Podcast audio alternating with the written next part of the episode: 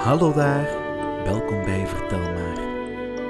Het verhaal dat we je nu gaan vertellen is. Duimelijntje. In een land ver weg leefde eens een vrouw die heel graag een kindje wilde. Ze ging naar een fee in het bos en vroeg.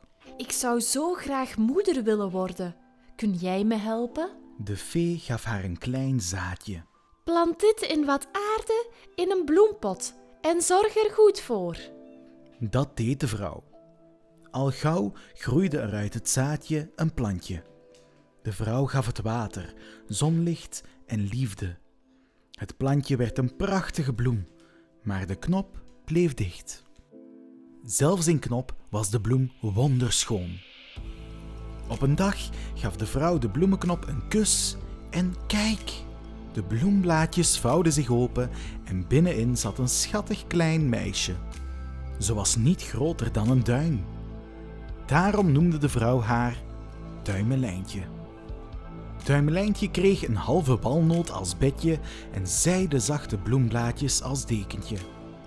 Haar moeder plaatste een tulp in een kom met water waar Duimelijntje in kon zitten en rond kon drijven.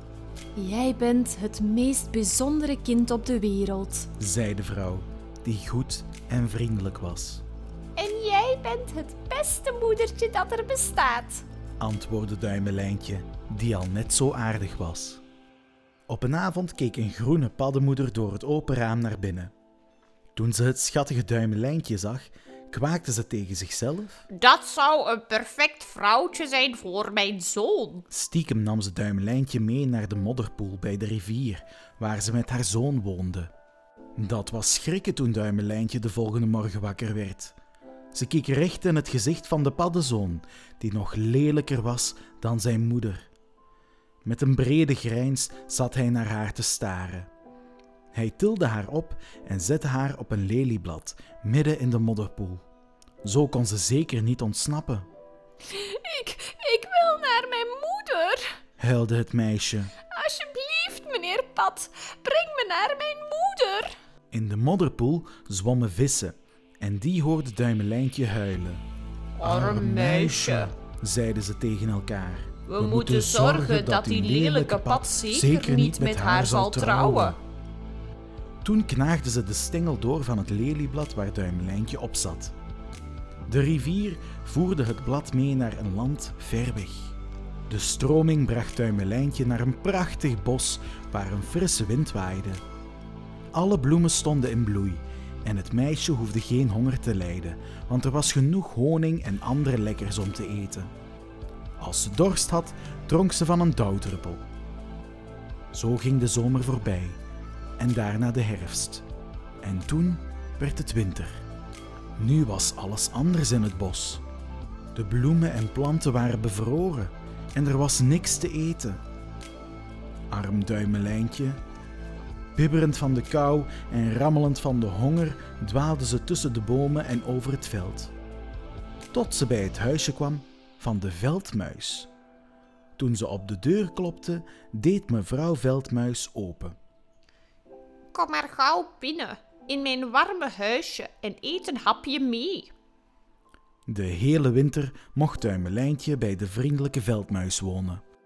Op een dag kregen ze bezoek van de buurman. De veldmuis stelde hem voor. Dit is meneer Molduimelijntje. Hij is rijk en knap. Meneer Mol kon niks zien, want alle mollen zijn blind. Toch was hij op slag verliefd op Duimelijntje. Hij nodigde haar en mevrouw Veldmuis uit om bij hem op bezoek te komen.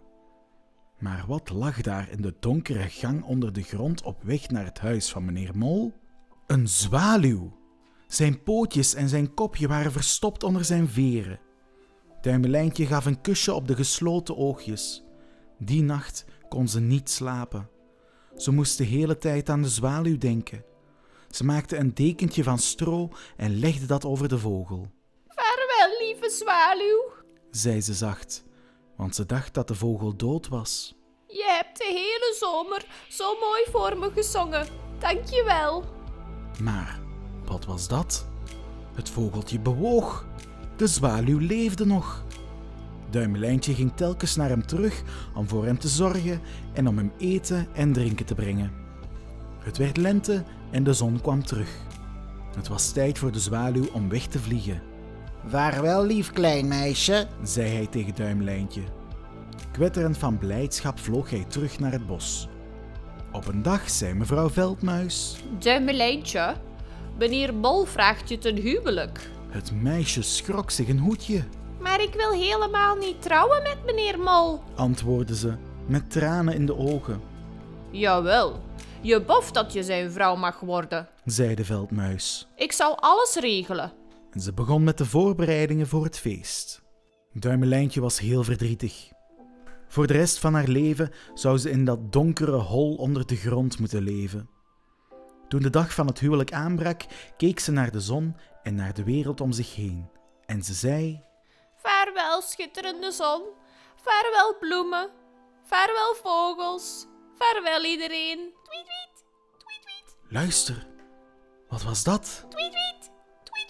Het was de zwaluw die vrolijk rondjes maakte in de lucht. Hij was dolblij om Duimelijntje weer te zien. De koude winter komt eraan, kwetterde hij. Ga je met me mee naar een warm land in het zuiden? Oh ja, neem me mee. riep Duimelijntje. En ze ging op de rug van de zwaluw zitten. Hij vloog met haar over bergen en zeeën, tot hij bij een meer kwam waar rondom prachtige bloemen bloeiden. De zwaluw zette Duimelijntje voorzichtig op een prachtige bloem.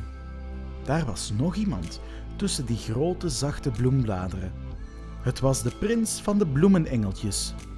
Hij zette een kroontje op Duimelijntjes hoofd en vroeg: Wil je met me trouwen en de koningin van de bloemenengeltjes worden? Natuurlijk zei ze ja, want ze vond de prins heel leuk. Ze werden man en vrouw en leefden nog lang en gelukkig. Ben jij ook zo dol op de verhalen van Vertel Maar? Surf dan zeker naar onze website www.vertelmaar.be. Je kan ons ook volgen op Facebook en YouTube. Heb je een verzoekje? Stuur ons een mailtje. verhaal@vertelmaar.be